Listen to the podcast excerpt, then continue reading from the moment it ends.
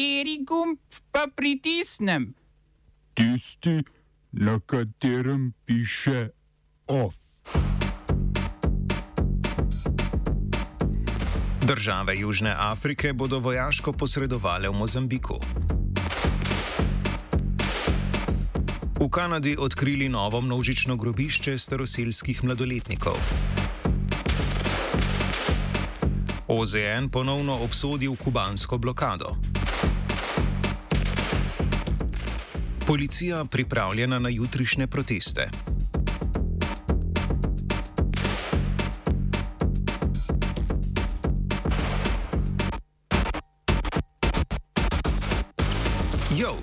Države Združenja za razvoj Južne Afrike so se na vrhu organizacije odločile, da bodo v Mozambik poslali vojaško pomoč.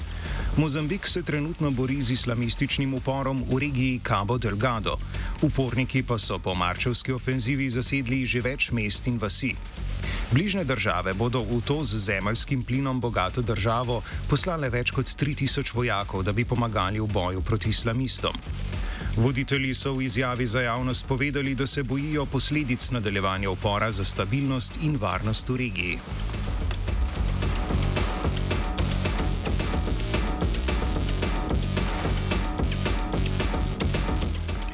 V Hongkongu je išla zadnja izdaja tabloidnega časnika Apple Daily.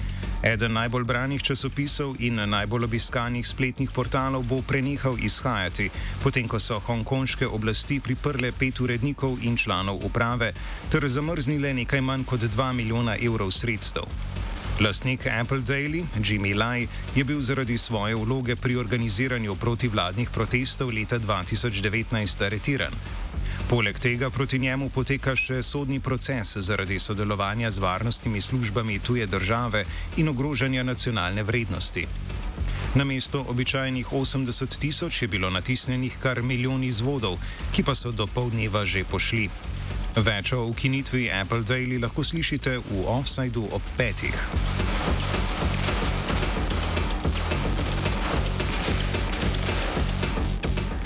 V bližini nekdanjega internata v Marijevalu v Kanadi so našli novo množično grobišče neoznačenih grobov mladoletnikov. Šlo naj bi za največje takšno grobišče, v katerem so za zdaj odkrili več sto trupel staroseljskih mladoletnikov in otrok. Za izkopavanje v bližini nekdanje prevzgojne institucije so se odločili po odkritju podobnih grobišč v bližini internatov po vsej Kanadi. V njih so od začetka 20. stoletja pa do konca 90. let množično prevzgajali in kultivirali staroseljske otroke in mladostnike. Z ustanovami je po večini upravljala katoliška crkva, zaradi nasilja in zlorab pa naj bi v njih umrlo vsaj 4000 mladostnikov. Kanadska vlada se je, potem ko je neodvisna komisija dogajanje označila za kulturni genocid, staroseljcem za dogajanje leta 2008 tudi uradno upravičila in uvedla program odškodnin prizadetim državam.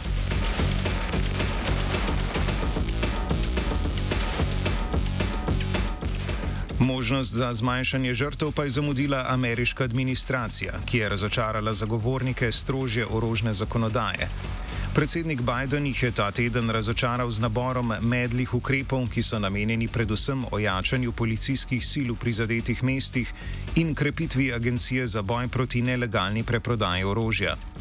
Čeprav se kriminalna aktivnost v ZDA po podatkih nevladnih organizacij v zadnjem letu ni bistveno povečala, pa več ameriških mest pretresa rekordni val smrti zaradi streljnih ran. Zato so številni, tudi zaradi predsednikovih predvolilnih obljub, pričakovali strožje ukrepe za omejitev prisotnosti orožja v ameriški družbi.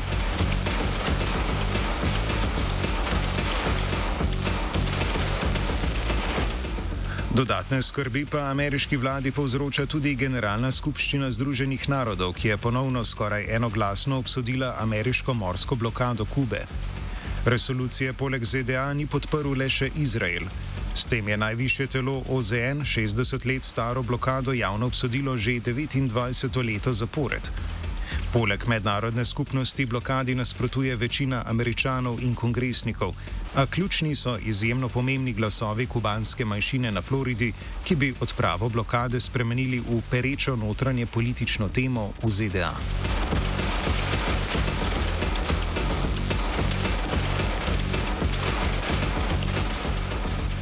Američani pa gotovo niso edini strokovnjaki za postavljanje ovir in blokad na svojih mejah. Po poročanju hrvaške policije se namreč ponovno povečuje število ljudi, ki želijo nelegalno prečkati bosansko-hrvaško mejo. V drugem četrtletju letošnjega leta se je ta številka povečala za tretjino, zato policija svari pred novim poletnim begunskim valom. Medtem v evropskih medijih krožijo novi dokazi o nezakonitem ravnanju hrvaške policije, ki migrante v nasprotju z mednarodnimi obveznostmi Hrvaške vračajo nazaj v Bosno in Hercegovino. Hrvaški policisti so poleg tega obtoženi zlorab in nasilja nad migranti, ki so na meji tako rekoč popolnoma v njihovih rokah, brez resne pravne zaščite.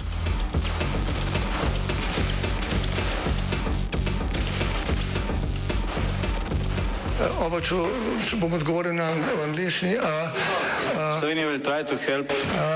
We can Slovenija will and we will do our utmost To say that the situation is, our problem ourselves. and uh, We will make further steps as soon as the conditions are bomo vlado Marjana Cererja, Mira- eh, Marjana Cererja Šarca podprli. uh, very, very serious. we know how and we will.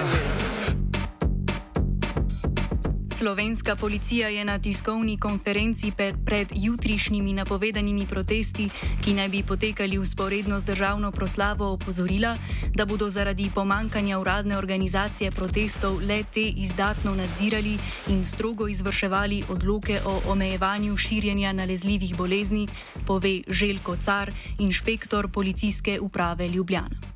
Policijski upravi Ljubljana dalj časa potekajo priprave za varovanje državne proslave.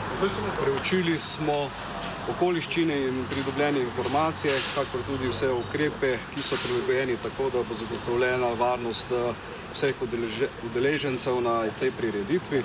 Policisti eh, bomo zagotavljali varnost ljudi, eh, varovali javni red. Kazniva dejanja bomo preprečevali, opravljali bomo naloge za varovanje državnega zbora in skrbeli tudi za varnost prometa.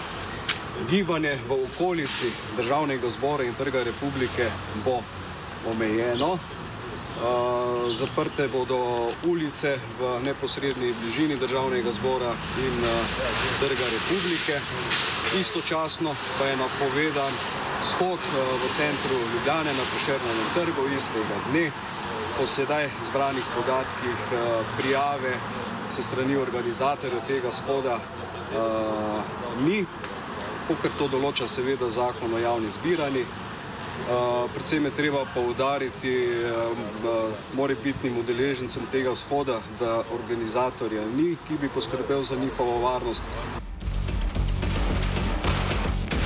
Za varnost in upoštevanje zakonodaje bo tako tudi z video nadzorom skrbela policija. OF je spisal Koruza.